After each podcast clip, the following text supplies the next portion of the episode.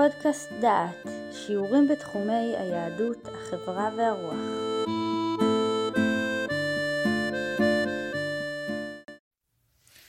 ברוכים הבאים לפודקאסט דעת. בשיחה זו נעסוק בבג"ץ הקרוי בג"ץ רופהייזן או בג"ץ האח דניאל. זה היה האתגר הראשון שמדינת ישראל עמדה בפניו כאשר היה צריך להגדיר מיהו יהודי. נתחיל בהגדרה המשפטית של הנושא מיהו יהודי, ואחר כך נתאר את הבג"ץ ואת הדיונים שהיו בו. אדם יכול להיות יהודי באחת משתי דרכים, או שהוא נולד כיהודי, או שהוא מתגייר. כדי להיוולד כיהודי, הוא צריך להיות בן להורים יהודיים, או למצער בן לאם יהודייה. משפחה מעורבת של אם יהודייה ואב נוכרי, הבנים יהודים. כדאי לדעת כי ייחוסו של אדם לפי הוריו משתנה מדת לדת ומחברה לחברה. זוג של ערבי ויהודייה שהוליד בנים, לפי ההלכה היהודית הבנים יהודים, כי הם הולכים אחר האם והאם יהודייה, לפי ההלכה המוסלמית הם מוסלמים, כי בהלכה המוסלמית הבנים הולכים אחר האב. החוק הרוסי מסובך עוד יותר. בן להורים שאחד מהם רוסי או אוקראיני והאחר יהודי, יכול לבחור את הגדרתו הלאומית כאשר הוא מתבגר. הוא יבחר כמי משני הוריו הוא רוצה להיות, וכך יירשם במסמכים שלו.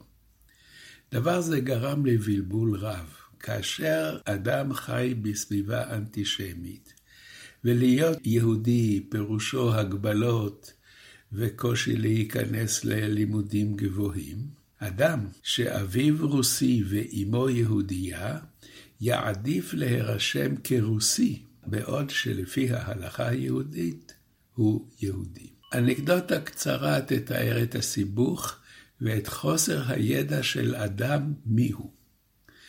כאשר הייתי בארצות הברית השתתפתי בקורס שבין משתתפיו היה זוג יוונים, זוג צעירים יוונים. הגיעה חנוכה וסיפרתי להם כי עכשיו יש לנו חג לזכר ניצחון שניצחנו את היוונים. והבחורה ענתה, אתה מתכוון להנוכה? כן, שמעתי על החג הזה בבית. סבתא שלי יהודייה. במדינת ישראל, היות אדם יהודי, מקנה לו הדבר שלוש זכויות. א', רישום במרשם התושבים כיהודי. ב', זכות לעלות לארץ לפי חוק השבות ולקבל זכויות עולה ואזרחות. ג', אפשרות להתחתן עם יהודי. דבר המצריך אישור של הרבנות. לפי החוק בארץ, כל עדה דתית, דיני הנישואים והגירושים שלה הם לפי חוקי דתה, ולגבי יהודים, נישואים וגירושים נעשים במסגרת הרבנות. שתי הזכויות הראשונות, רישום במרשם התושבים וחוק השבות, הם בסמכות משרדי הממשלה. משרד הפנים עוסק במרשם תושבים, ומשרד העלייה עוסק בעולים. שני אלה כפופים לחוק האזרחי, ובית המשפט מחליט כיצד ינהגו. הזכות השלישית, נישואים עם יהודי, הוא בסמכות הרבנות. מדינת ישראל כמדינה קולטת עולים, נתקלת בבעיות רבות בהגדרת מיהו יהודי הזכאי לזכויות של יהודי ואם הוא זכאי לזכויות, האם הוא זכאי לכל הזכויות או לחלק מהן.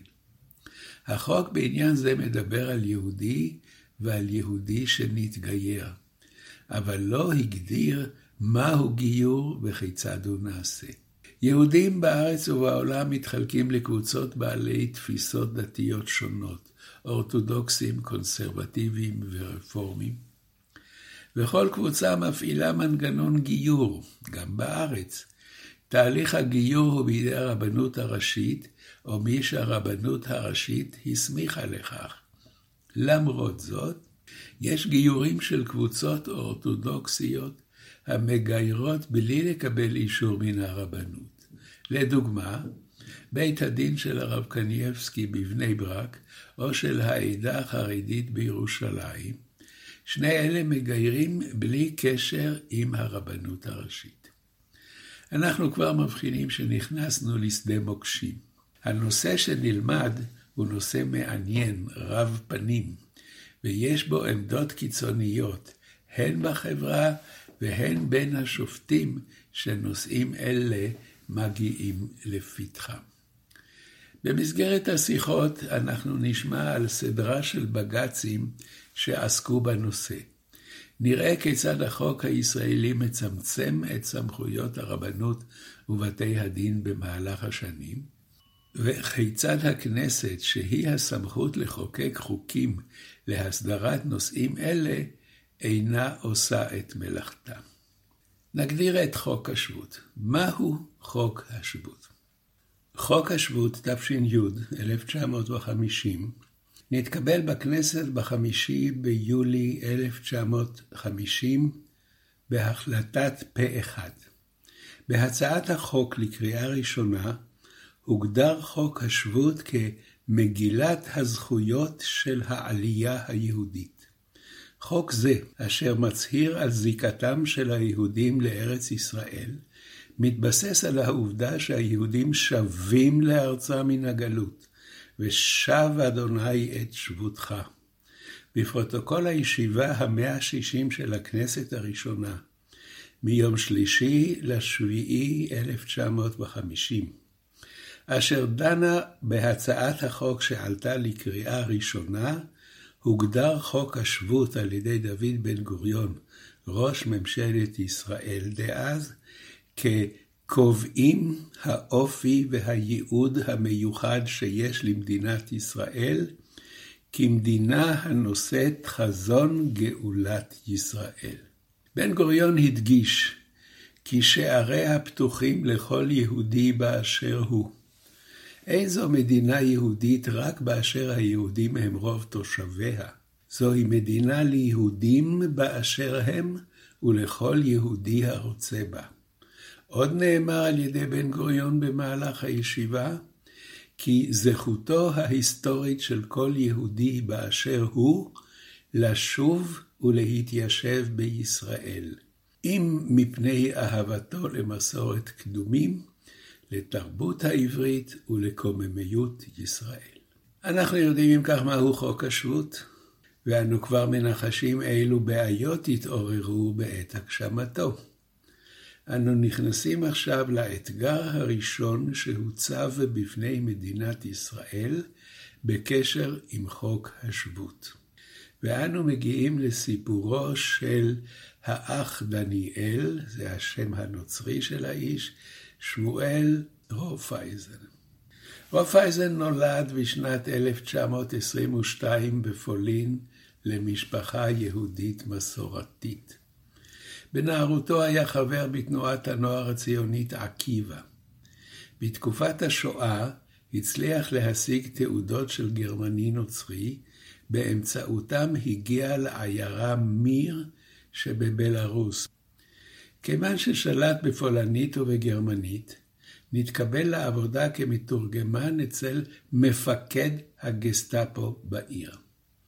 הופייזן ניצל את מעמדו כדי להעביר ליהודים התראות על פעולות חיסול מתוכננות, ואף הבריח כלי נשק למחתרת שקמה בינתיים בגטו.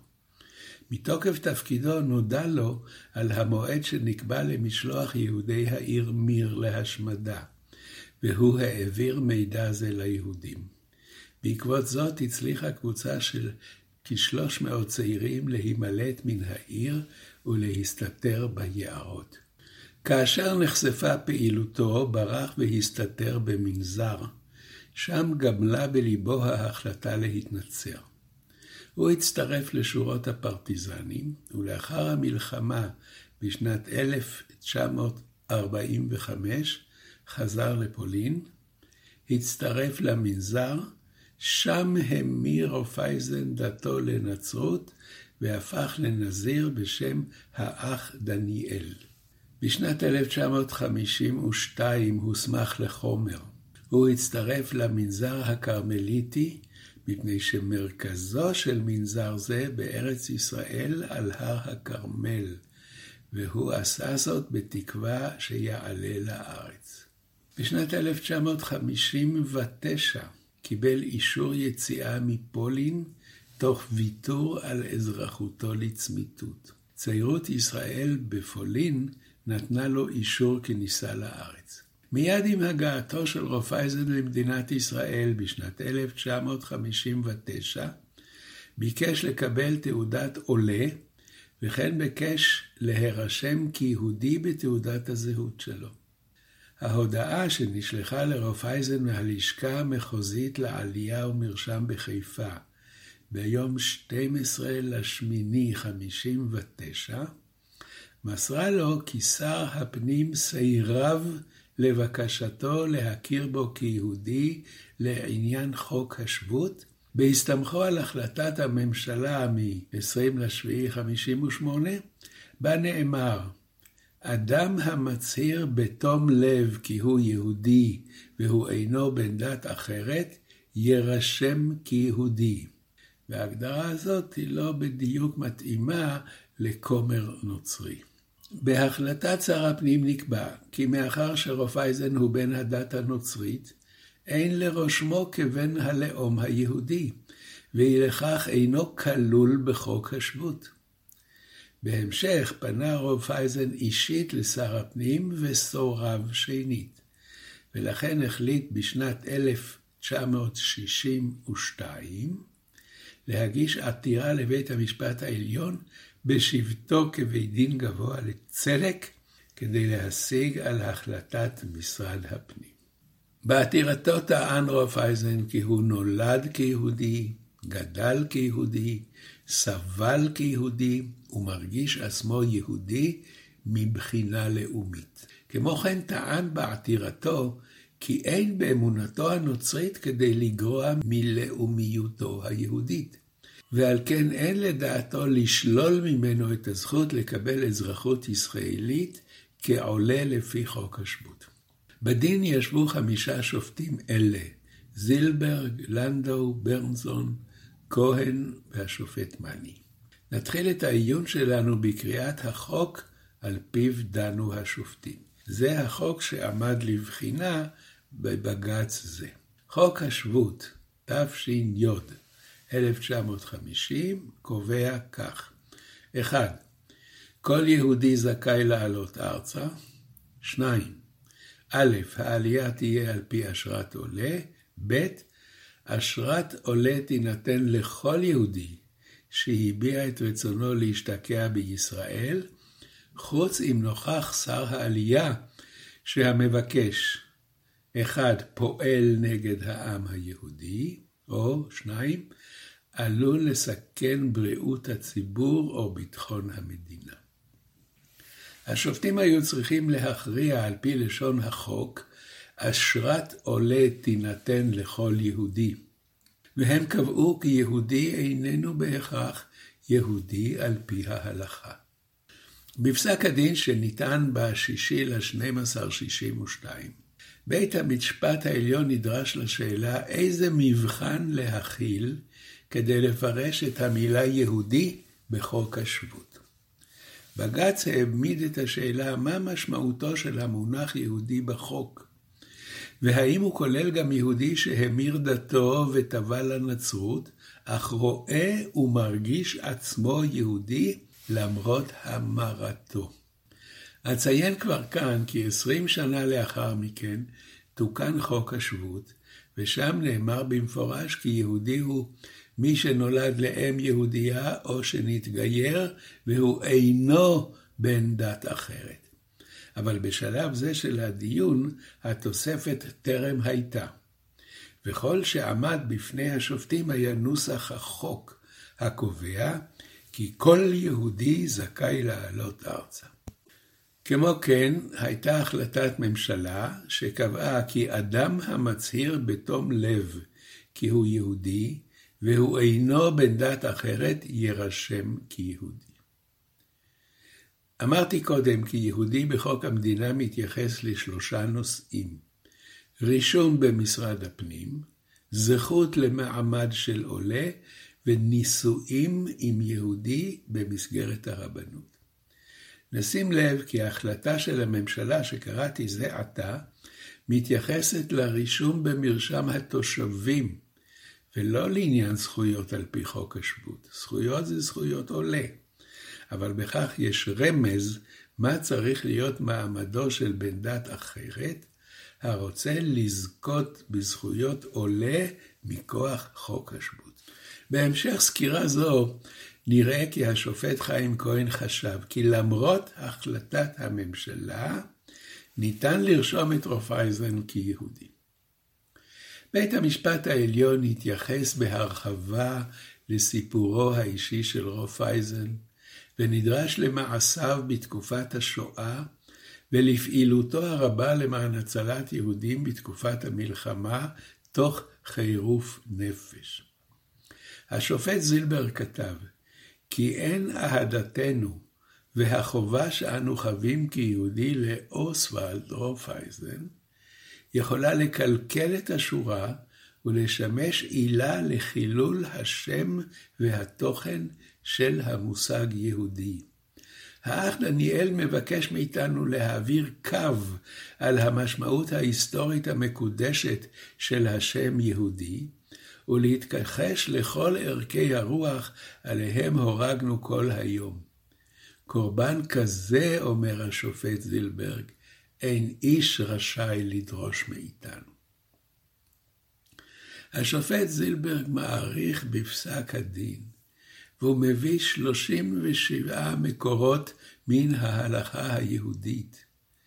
והוא טוען כי בהתאם להלכה, אף אם יהודי ממיר את דתו לדת אחרת, הוא עדיין מוגדר כיהודי. אילו בית המשפט היה מקבל את טענת העותר, כי יש לפרש את התיבה יהודי בחוק השבות, בדומה לפירוש התיבה יהודי בחוק שיפוט בתי דין רבניים, כותב השופט זילברג, אזי בג"ץ היה מורה לרשום את רופייזן כיהודי בתעודת העולה, ולאפשר לו שבות מתוקף היותו יהודי. הנחה זו נכנסה גם בדברי השופט חיים כהן, שנשמע אותם בהמשך שיחה זו. כאן אני חייב להוסיף הערה למסקנה הזאת של השופט זילברג. אומר כי המסקנה של השופט זילברג נסתרת במאמר שכתב הרב ליכטנשטיין, וכך כותב הרב ליכטנשטיין בספר מוסר אביב, עמוד 257. אם נישאל במושגים ציוריים, האם כל מי שנולד להורים יהודיים הוא יהודי? התשובה היא בוודאי כן.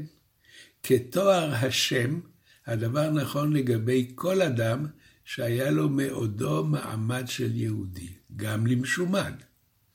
אבל אם נישאל, האם למשומד יש משהו מן האישיות היהודית והאופי היהודי, והוא ממשיך להיכלל במעמד האישי של יהודי?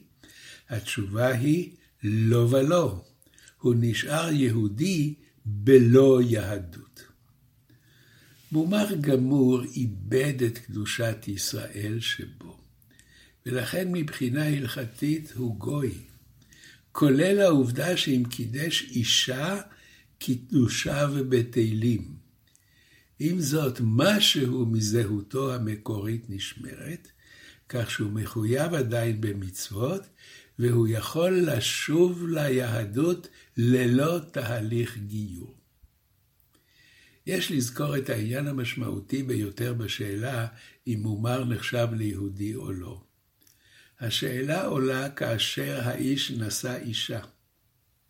הבעיה הזאת עלתה בימים שהיה לחץ וכפייה להתנצר.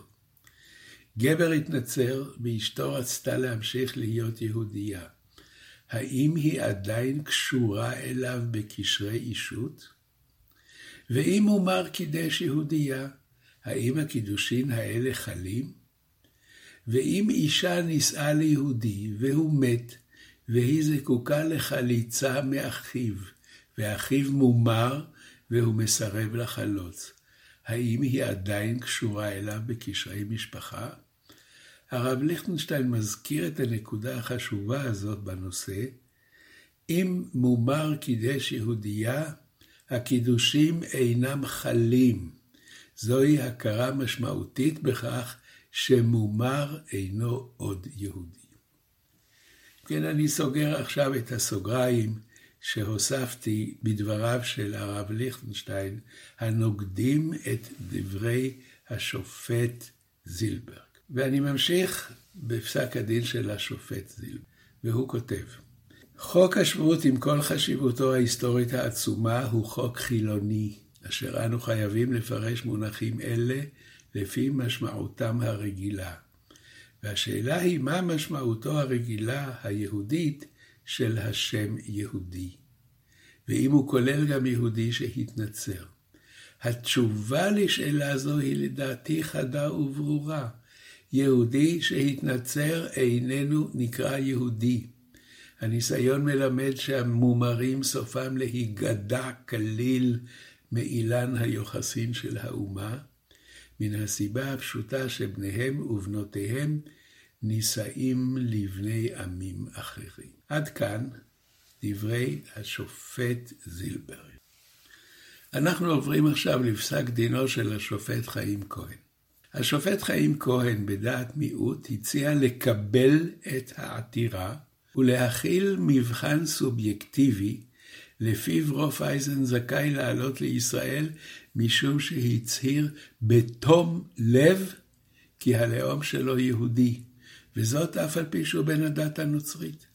לדבריו של השופט כהן אין לפרש לעניין חוק השבות את הדרישה של אינו בן דת אחרת, בהתאם להחלטת הממשלה משנת 1958, שהזכרתי אותה קודם כדבר המפריע להחלת הגדרת יהודי על אדם שהוא בן דת אחרת.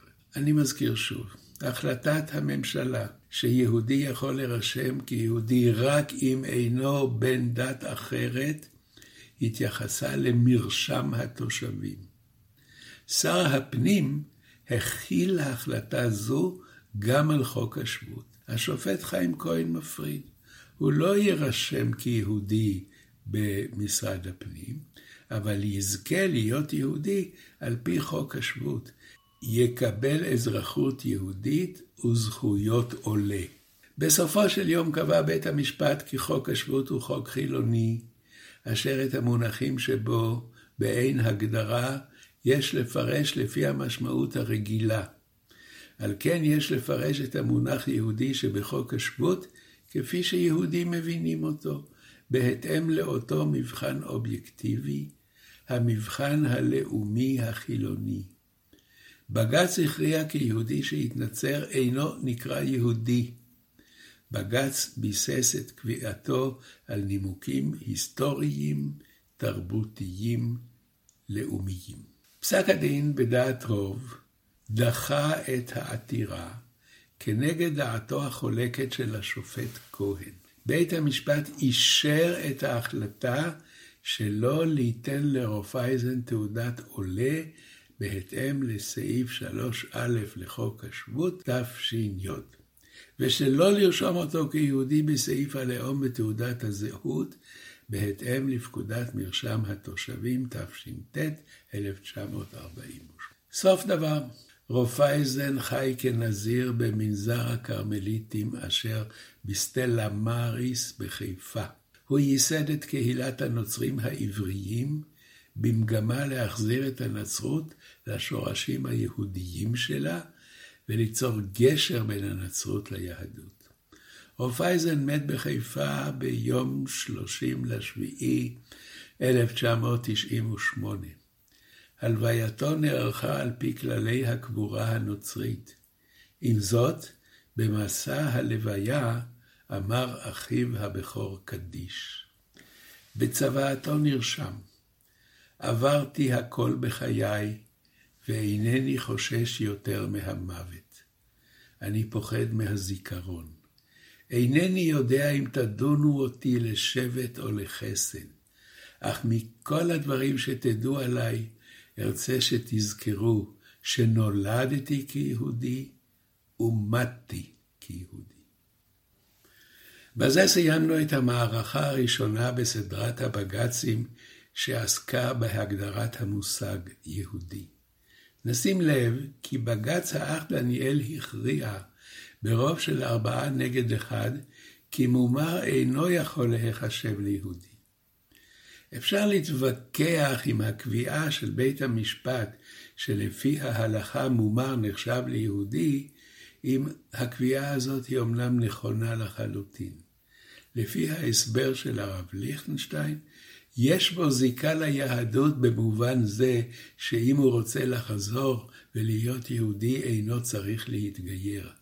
אבל הוא אינו יהודי, ואם מומר יבוא לבית הכנסת ויבקש לעלות לתורה, או שיודע שהוא כהן, וברצונו לברך את המתפללים בברכת כהנים, הוא יסוערב. אנחנו נמשיך, לפנינו סדרה של בג"צים נוספים, שיוליכו אותנו למחוזות רחוקים וזרים. והערה לסיום, אם תחפשו באינטרנט את השם האח דניאל או אוסוולד רופייזן, תגיעו לסרט בו מספר רופייזן את תולדות חייו. העברית שלו רהוטה, והסיפור על חייו במפקדת הנאצים מטלטל. אני ממליץ לצפות בסרט ולשמוע את דבריו.